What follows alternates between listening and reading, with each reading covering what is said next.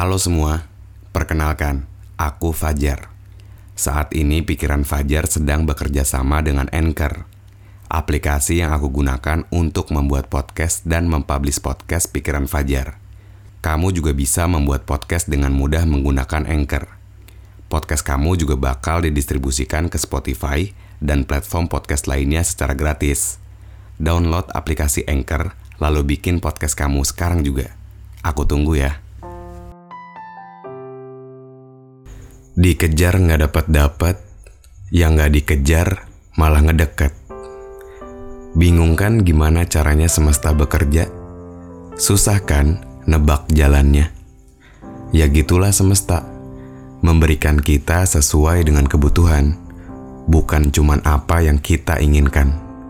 Mungkin ada sih yang sesuai dengan jalan, tapi kayaknya gak kebanyakan orang.